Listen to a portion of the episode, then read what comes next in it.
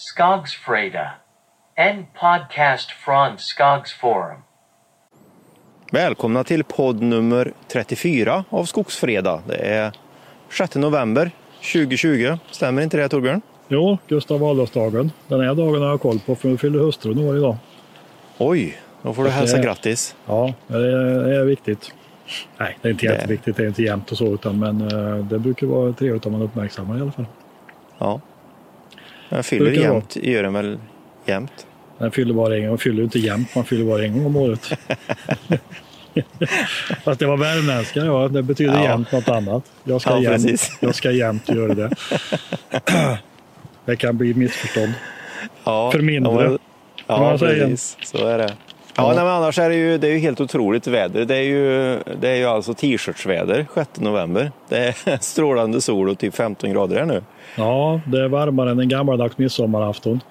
Ja, Kan man säga. jag vet inte om jag ska skratta egentligen åt dig kanske. Men... Nej, det är ju lite udda. Det är ju. Gräsmattorna växer för fullt. Och det var ju, var ju någon period den nöp till lite grann så pass mycket så träd, löven har ramlat av i alla fall här så det är inte mycket kvar. Men, men det har varit blåsigt, inte här nere i Jönköping där jag bor speciellt mycket men jag pratade med folk norröver igår. Där var det ju rejäl storm alltså uppe i Norrlands inland. Ja. Och, Orkan till och med va? Ja, mycket vatten och mycket blåst. Ja. Det är ingen bra kombo för skogen. Nej, eh, det är det inte. Det är väl, eh, där det blåste så värst så är det väl ingen skog. I och för sig uppe i fjällen, men, men eh, det kan nog ha varit en del sviter efter det. Och det, är väl, det är väl, har jag läst någonstans, att det, ska, det blir mer blåst om haven är varma så får man oroligare väder. Och det är klart med temperaturen och varma somrar så blir de det.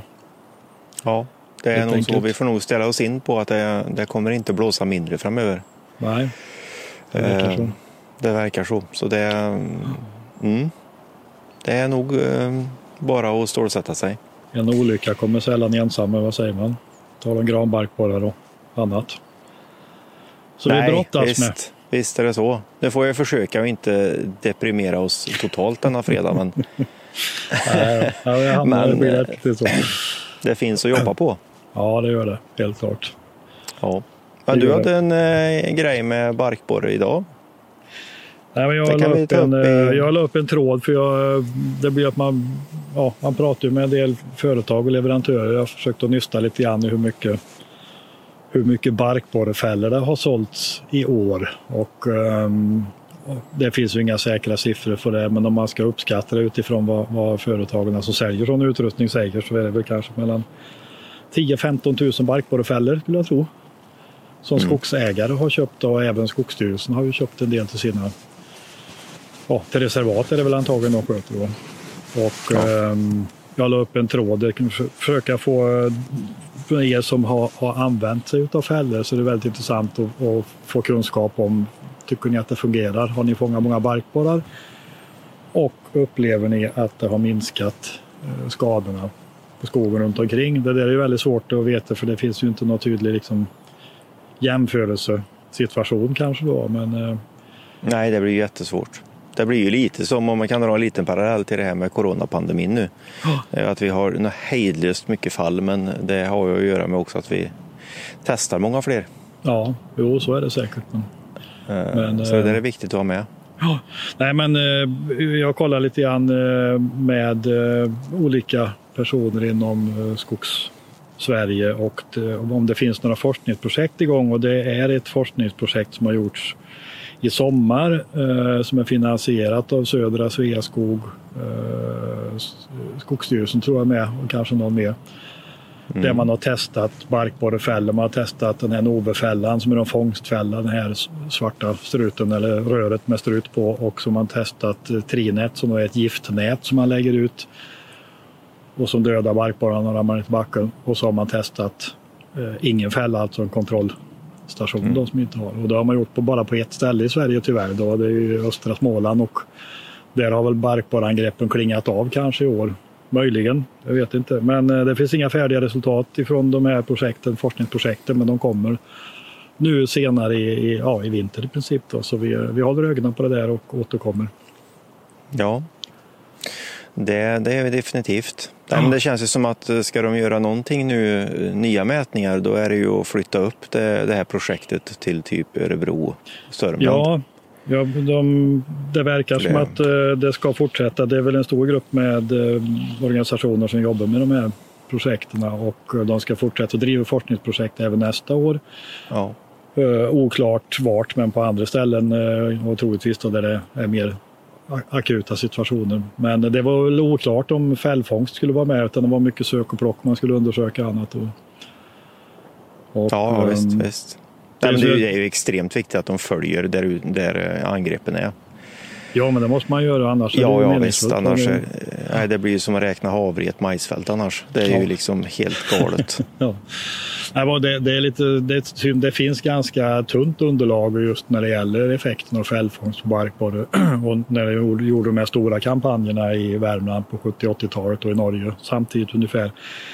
Mm. Så gjordes det väl ingen direkt systematisk forskning i, kring det där så vitt jag förstått. Som, de som gjorde, drev fällfångsten uppfattade att det gav resultat. Men då hade man å andra sidan 300 000 fällor Mm.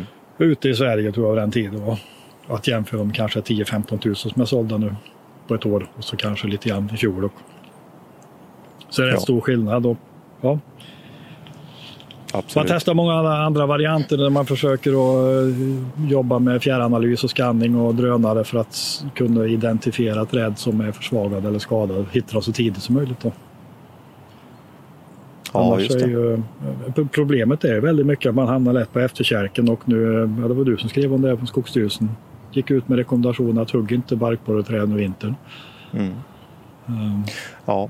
Nej, nej, men det, är ju så och det är nog ganska så lätt tyvärr. Eh, Och det kan finnas viss fog för det. Men eh, det är ju lätt att bli lite deprimerad för jag tror att den här, det är ett rejält angrepp som vi har ett flerårsangrepp nu som riskerar att bara bli värre. ja. Och eh, då, vi kommer ju ha angreppen oavsett vad vi gör. Ja, det enda är ju att, att ta bort all gran då. Mm. Men det, det gör sig ju liksom inte. Nej, det, är ju bark, det är ju barkborren i så fall om det, om det går så illa. Va? Ja, ja visst, men det, tyvärr så verkar det. Det är mycket som, som spelar rätt i, i näven. Jag vet inte om de har nävar, barkborrar, men i rätt ner i nävarna på barkborrarna nu. Ja, många. Eh, vädret Ja. till exempel. Ja. Så det, mm, Ja, det här är ju gynnsamt för dem. De övervintrar ju nu på vintern, eh, de som har kläckts efter andra svärmningen. Och, och Ja, eh, klarar sig väldigt bra det här. ja. Det kan ju Nej, vildsvinen, så- vildsvinen kan ju vara en eh, tillgång där faktiskt. De lär ju käka barkborrar i backen. ja, absolut. Det så- glä- så får vi se det. Så får vi se det, helt klart. Nej, men jag tycker det, det väcker den här frågan också igen, tycker jag. Som den, eh, vi pratade om den igår och jag tycker den är fruktansvärt intressant. Alltså, den första plantskolan som, som kan leverera ståndsortsanpassade lådor till skogsägare med Ja. karta vart du ska sätta träden. Ja. De, de kommer bli en vinnare tror jag. Ja, Eh, Och vi tittar ju lite på, Skogforsk hade ju ett seminarium, digitalt seminarium i förrgår och igår. Och där Ja. tog de ju upp lite det här med att kunna flyga med drönare kontra väva ihop det med lasermätning och AI och ja, det är ju en massa sådana här ja high-tech även, saker. även skördardata. Att använda data från skörden där de kan, eh, de kan ju bonitera med trädlängd. Samtidigt som de avver slutavverkar. De kan se rötandelen och eh, tillsammans med markfuktighetskarta och annat så kan man göra en ganska precis ståndortsanpassningskarta för Ja, ja visst. Ja, du kan ju spela naturen rätt i händerna där alltså. Ja. För du kan ju gå ner på metern och veta att just i det här området här, här, här trivdes en tall fruktansvärt bra förra gången. Mm. Eh, Så den här mixboxen, jag Ja. tror eh, vi sa det att om det fanns karamellkungen för smågodis så, Ja. så är det plantkungen blir nästa. Och då kanske inte bara gran och tall i den där lådan utan det kanske ska vara mer grejer. Absolut. Jag pratade lite med eh, tyska kontakter som, som jag har lite kontakt med och försökt att få, lite eh, kunskap om hur det ser ut i Tyskland. Och det, det är ju allvarliga angrepp på barkborre. Och jag frågar liksom, vad gör de efter det här nu? Då- Det blir ju, alltså de jobbar med en hel mix med träslag. Eh, granen, har, de räknar med att granen ska finnas kvar fortfarande på högre höjder över havet. Och så, så är det ett gångbart träslag fortfarande. Men där granen blir utslagen nu i Tyskland så är det mycket annat. Och det är Douglasgran och det är abelsarter och lövträd och annat. Då. som man satsar på. Man kanske har lite bättre klimatmöjligheter och kunna jobba med fler träslag men man jobbar definitivt mycket bredare än vad vi tänker här för det är fortfarande ganska mycket tall i granen. Ja. Det är lite så här urvattnat modord, men riskspridning är ju extremt viktigt där. Ja, Du sprider Precis. riskerna. ja. Satsa inte bara på ett ägg i korgen utan Nej. På tal om riskspridning så är en tråd som varit uppe den här veckan det är ju det här med avverka betalningsplan, ränta.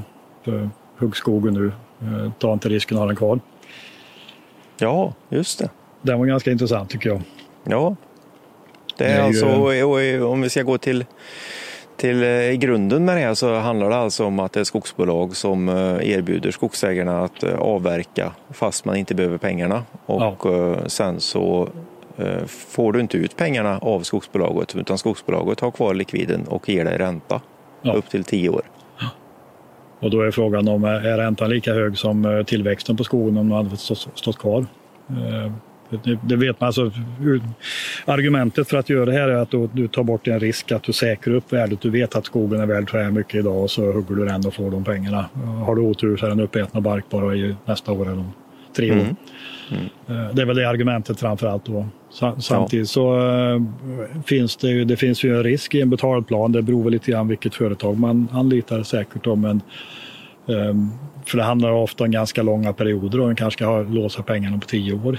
Eh, Och då är de ju upplåsta. Ja, Och om det här företaget hamnar på obestånd under den tiden så riskerar man ju att pengarna försvinner. Någon slags Ja. ekonomisk barkborrekatastrof då istället. Så. ja, ja visst, visst. Jo, det är ju en, en bedömning man får göra. Där Ja. finns det ju en vid spridning mellan Ja.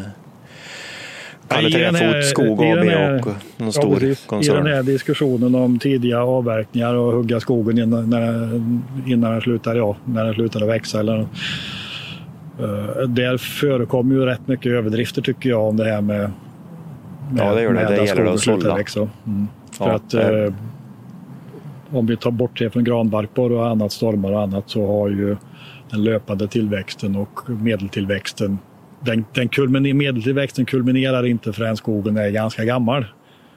Nej, vi säger Mm. 120 i snitt. Ja, lägsta slutavverkningsålder idag på många bestånd och på bättre marker är det jättelågt men det är 70, 65, 70, 75 år på många områden i Sverige. Eh, Ja. Och då är det kanske 30-40 år kvar innan tillväxten kulminerar på de här markerna. Ja, Alltså det, ja visst, visst. det producerar mer i genomsnitt varje år fortfarande. Ja. Än, än, så att eh, det får man väl passa sig lite för. ja, men det är de här yttre faktorerna som, som man faktiskt eh, kan eh, avväga en sån här betalplan faktiskt. Ja. Eh, barkborren till exempel då. Ja. Det, det, mm, det gäller att göra en kalkyl på och Ja. verkligen gå till djupet med vad man har för typ av bestånd. Men eh, annars så tycker jag att det är ju, eh, jag pratar ju en del med nära och kära och skogsfolk och runt omkring här. Ja. Och eh, någonting som jag har känt av nu det sista här, eh, och det, det behöver inte vara att folk är speciellt insatta, utan nu kommer det eh, på grund av barkborren, det är ju att de är rädda för granåkrarna de har. Ja. Den är, det är högriskprojekt, så det handlar alltså att nästa gång som timmerpriset är någorlunda högt, då, då klipper de det. Ja. Och sen så är det i med någonting annat sen. Ja. Då blir det inte Det- gran igen tror du? Ja, delar det blir nog kanske gran, men Mm. eh, in, det blir ingen granåker med 100% i gran igen. Det är jag helt övertygad om. Det, det hör man Ja. på, på samtalet med dem, att de är ju rädda. Mm. Och det, det skulle jag med vara. Jag menar, det är ju nästan att man skulle vara ute dagligen och kolla i den här i granåkern och se ifall man får eh, någon gran som börjar må dåligt. Mm. Eh, och det är klart så vill man väl kanske inte jobba heller, utan eh, man vill ju vara, ha lite säker, säkra kort. Ja, nej men så. Och sen, men sen ska man också säga att det finns ju, det finns ju inga träslag eller få som är förskonade ifrån skadegörare. De flesta har ju sina skadegörare i olika skalor. Nu är det granbarkborren som går på och granen är känslig för det. Men, men det finns ju exempel som på skadegörare Ja, på ja. tall eller på lövträ. Vi var ju, när vi var i Nordamerika så var det ju de, de flera av de viktiga lövträslagen där Ask till exempel hade ju precis som här skadegörare fast det var en annan typ. Då. De har något som kallas för Emerald Ash Borer, alltså en smaragdgrön eh, insekt som, ja, som tar död på askbestånden totalt i princip. Då. Absolut. Nej, men så är det ju. Men ja. återigen, riskspridning. Ja, precis. Så är det. Och annars Fredrik, du, du har ju du har kilat in en liten eh, video om eh, fällkilen. Ja, Ja, nej men det, det blir ju väldigt intressant. Vi, det, det väckte Vi stort engagemang på Skogsforum kan man säga. Ja, det gjorde det. Eh, för er som inte vet så har vi, gjorde vi äntligen klart det här testet av en sån här mekanisk fällkil, en tysk tillverkad sak. Kort och gott så går det ut på att du har en, en expanderbar kil som du stoppar i fällskäret och eh, använder en mutterknackare. Och genom det så slipper du slå ner trädet. Alltså mutterknackare, det är skruvdragare fast grövre.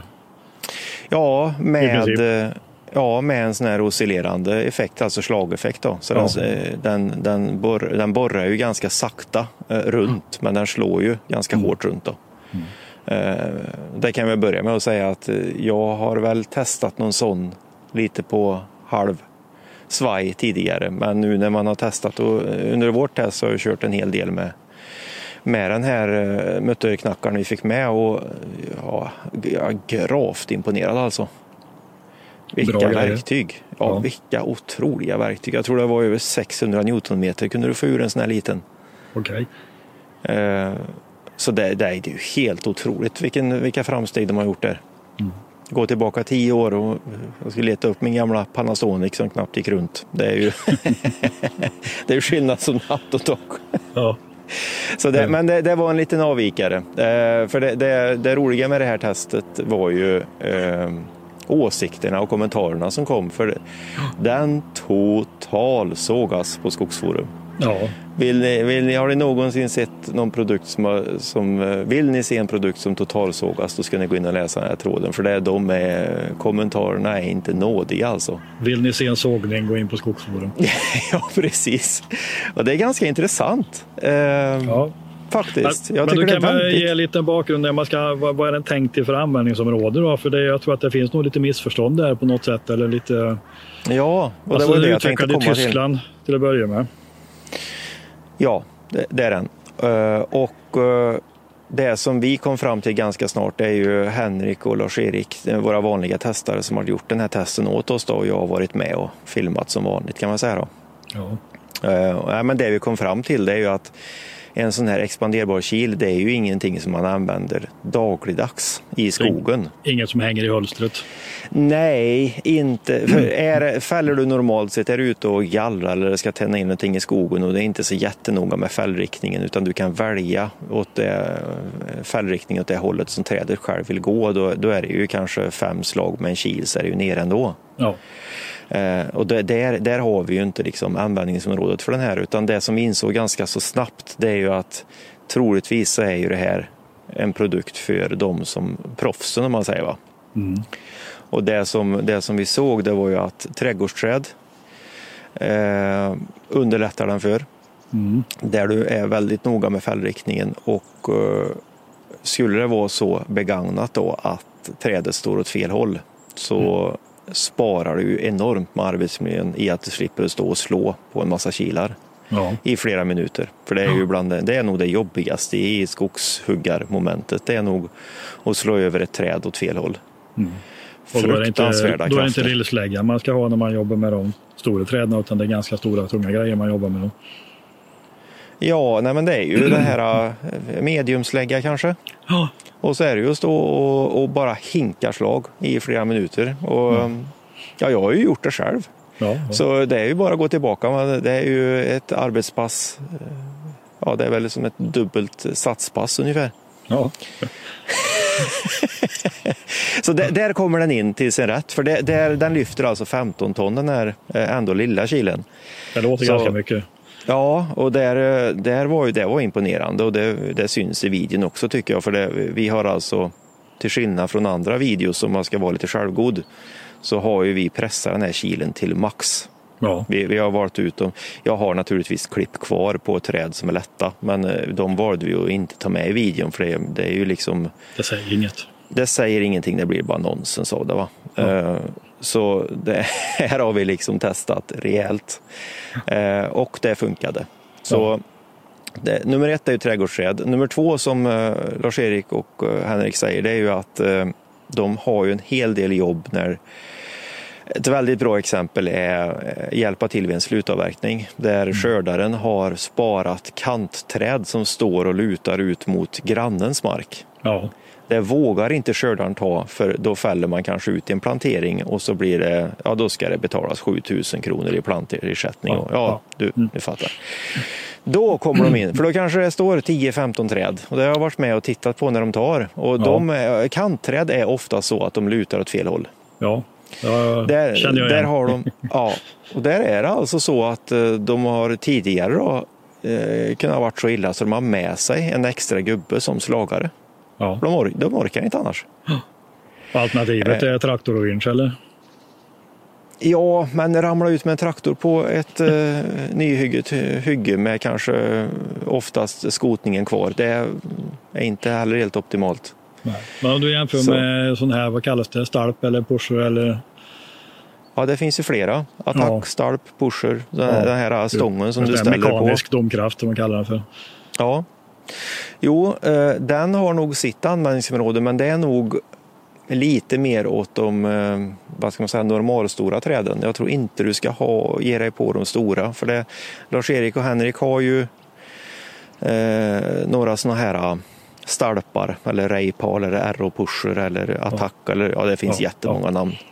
Men eh, enligt dem då, och de eh, litar jag på till fullo, så har de alltså böjt såna här eh, pushers på mindre träd än vad eh, den här mekaniska fällkilen klarar att få ner. Ja. Så den eh, 15 ton lyfter ju garanterat inte en sån här pusher. Nej. Så den är klenare. Mm. Eh, är den. Och sen så har du det här med vevmomentet. Då. Det är ju, du måste ju ta in och hejdlöst om det är ett träd som lutar fel. Mm. Eh, Så jag, jag tror att eh, Kilen gjorde definitivt sitt jobb. Men sen så tror jag att det negativa som har kommit från Skogsforum, det tror jag att det kanske är fel målgrupp som vi har som, som läser kanske eh, mångt och mycket av. För jag tror inte att det är för den gemene skogsägaren. Nej. För det, det man hakar upp sig på det är att den är dyr och det, den är jämfört med en plastkil så är den ju apdyr. Ja. Eh, så, och, och jag tror inte att en vanlig skogsägare som hugger sina fyra, fem fubb om året, det, det, det behövs den inte. Absolut Nej, men du inte. springer ju inte runt med en stalp eller en, eh, så utan heller. Utan, eh, det, det är ju inte liksom ett alternativ med skogsägare. Nej. Så. Nej, jag tror inte det. Så det, det det, blev, eh, det Den som jobbar professionellt med utmanande trädfällning är målgruppen Ja. eller? ja. Och den tror jag inte är så stor i Sverige i och för sig. Så, så det kanske var... Ja, den kanske fick lite för stor uppståndelse den här produkten. Den kanske inte har så stor målgrupp, målgrupp egentligen då. Nej. Men eh, ändå extremt intressant att läsa. För det, eh, som sagt, det, den Ja, det är intressant att testa den rejält. typen av produkter också. Är det ju. Så även Ja, är men lite, visst- visst är det det. på. Absolut. Och sen så ska vi ju säga att vi, eh, jag var med på ett träd, en asp som stod lutad över en lagård som Ja. Henrik tog. Eh, där gick den bet. Ja, okej. Så där, där var det 15 ton eh, och trädet hade mer än 15 ton. Så där, där, där tog det stopp. Okej. Så då var det bara, då fick jag hjälpa till, så då var det bara att konka en massa eh, taljer och eh, vinsch och sen så fick jag vara med och, och, och dra ner trädet med vinsch istället. Ja. Det är ju det enda sättet då.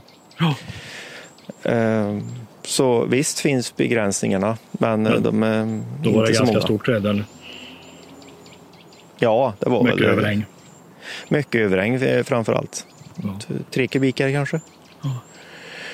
Eh, Så, så visst är det så. Men eh, eh, övergripande, mycket intressant och roligt att det engagerar ändå. Eh, Mm. Ja. det, det tycker jag är kul. Det är det. Eh, Men, Ja, ja, nej, men det- det kommer väl med, det kommer mer tester också. Vi har väl lite grejer i röret som eh, det brukar också vara något som engagerar det här med batterisågar. Ja, just det. det Eh, Det kommer både bensin och batteri, men du har ju dels så har du en stor ekosåg som har varit på test ganska länge nu som ja, det blir lite grann om. Och sen så har vi det här eh, kaptesterna i princip då, som vi gjorde med tre stycken olika batterisågar. ja. Det Men- har vi inte haft tid bara, utan det är ju sånt som ska ligger i pipen. Ja, men det, det är på gång. Så att, eh, det kommer ju, det kommer säkert att skapa en del, eh, riva upp en del damm den testen skulle jag tro. Ja, ja men det gör det nog. Men, men det är ju bra. Ja, absolut. Så, så jag, jag känner inget agg mot om någon är negativ direkt så. Utan, men det är ju en eh, intressant det diskussion. Ja, ja, ja, herregud. Så det, det ska ni känna att var inte rädda för att, att vara negativa. Utan det viktiga är att vi har en diskussion igång tycker jag. Ja, det händer ju till och med att vi är negativa ibland också. På fredagarna. Gör det? Ja, ska jag ta någonting negativt på slutet? Det måste ja, du göra. Finns det något? Nej, Jag gör det så ska jag ta något positivt sen.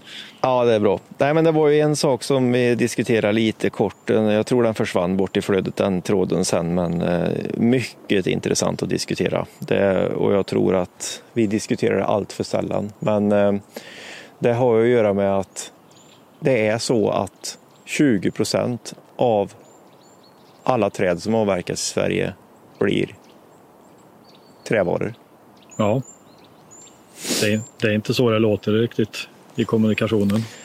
Nej, eh, och nu, nu blir det... Det här är alltså viktigt. För jag tror för både skogsägare och för alla som arbetar i skogen att vi måste som skogsägarkollektiv, alltså gräsrotsnivå eller vad man ska kalla måste jobba för att få upp den procentandelen. Mer timmer ur skogen. Ja, mycket, mycket, mycket viktigt för lönsamheten. Eh, För resten är ju, där har du ju egentligen två saker att välja mellan. Det är ju massaved eller bioenergi. Ja. Och Och det vet vi ju att det är dåligt ju, betalt båda två. Ja, det är nog eh, 50 procent kan du väl dra va? på priset. Ja. Hälften. ja, Eh, Så det är, det, är någonting som det, det är någonting man borde ha med sig dagligen när man tänker på sin skog och sitt skogsbruk. Det är ju att öka timmerandelen för det, det är där pengarna finns. Och öka förädlingen av trä som material. Det är ju också, pratar vi också om, i alla fall jag och du också kanske i vissa fall med, med dåres envishet att, att det måste gå att göra mer saker utav trä. Jag såg senast nu idag ett byggprojekt där det fanns lite videoklipp. Gert Wingård var med. Jag kommer inte ihåg vad det hette. Det var ett stort flerfamiljshusprojekt eller flervåningshusprojekt där, de sa att det tar bara en minut så växer den svenska skogen lika mycket som räcker till att bygga ett sånt här hus. Och det är ju jätteintressant och det är jättebra argument. Men vad var det för fasad tror du? Ja, någon Ceder, utrikes. cederskingel. Var det. Ja. Vi pratade om det i förra podden tror jag. Men, men och det är ju, alltså, varför kan man inte ta fram eh, bra, fler fasadmaterial av svensk träråvara som passar arkitekterna och byggstilen som man är på väg emot idag? Då? Ja. Så, som klarar olika typer av certifieringar och kvalitet och brand och så vidare. Men som är produktifierade på något sätt. Där finns en marknad där det finns pengar kan du vara säker på. Ja, ja visst, visst. Och det går ju att sätta den svenska flaggan på det. Det, Ja. det kan vi dra en likhet med Volvo till exempel som nu syr in svenska flaggor i sina säten Ja. på bilarna som ett nationellt varumärke. Ja. Jag tror inte att vi vill sätta svenska flaggan på, på skithuspappret. Du vill inte torka dig i röven med den svenska flaggan. Det kan man ju trycka direkt på pappret. Ja, men det är Det vi är. Ja, precis. Nej, men lite så. Nej, men det var ju... Sveriges signum är ju toapappret just nu. Ja, Ouch! det kan vi prata mer om. Nej, men en, eh, en annan positiv, eller jag ska inte säga att det är positivt, det är väl också ett problem som det åskådliggör. Det är det här med viltskydd, men som på, på Skogsforum, man tittar på annonsörerna som varit med under hösten här, så har vi haft ett rekordstort intresse för, för, från företag som håller på med olika typer av viltskydd och viltbetningsskydd. Och vi har, jag tror vi har haft fyra olika företag med som annonsörer och de har fått rekordmycket klick den här hösten. Så det, är ett, det finns ju ett stort, stort behov där och det speglar väl viltbetesproblematiken ganska mycket. Då. Ja, men det gör det nog. Och det är ju, men samtidigt så är det ju bra då att vi, menar, vi kan ju vi kan jobba långsiktigt med viltbetesproblematiken men det, väl, känns väl ändå bra då på något sätt att skogsägarna är på tårna och vill Ja. eh, få upp bra ungskogar också då. Ja, visst. De är Under gällande förutsättningar. Så är det. Ja, nej, men Ja. eh, vi får väl önska en god fredag. Vi får väl eh, gå hem och se om det blir någon som vinner i amerikanska presidentvalet kanske. Det är väl det som händer idag. Eventuellt. Eller Ja, imorgon. Eller på söndag. lite mer. Det tar Ta sig det lugnt i coronatider också nu. Nu Ja, börjar det det. blossa upp igen. Håller i skogen. Håll. Ja, precis. Nej, men ni får ha en jättetrevlig helg i alla fall. Det får ni ha. Vi avslutar från eh, Jönköpingsskogen. Hej då! Ja, och från Säffle här. Hej då!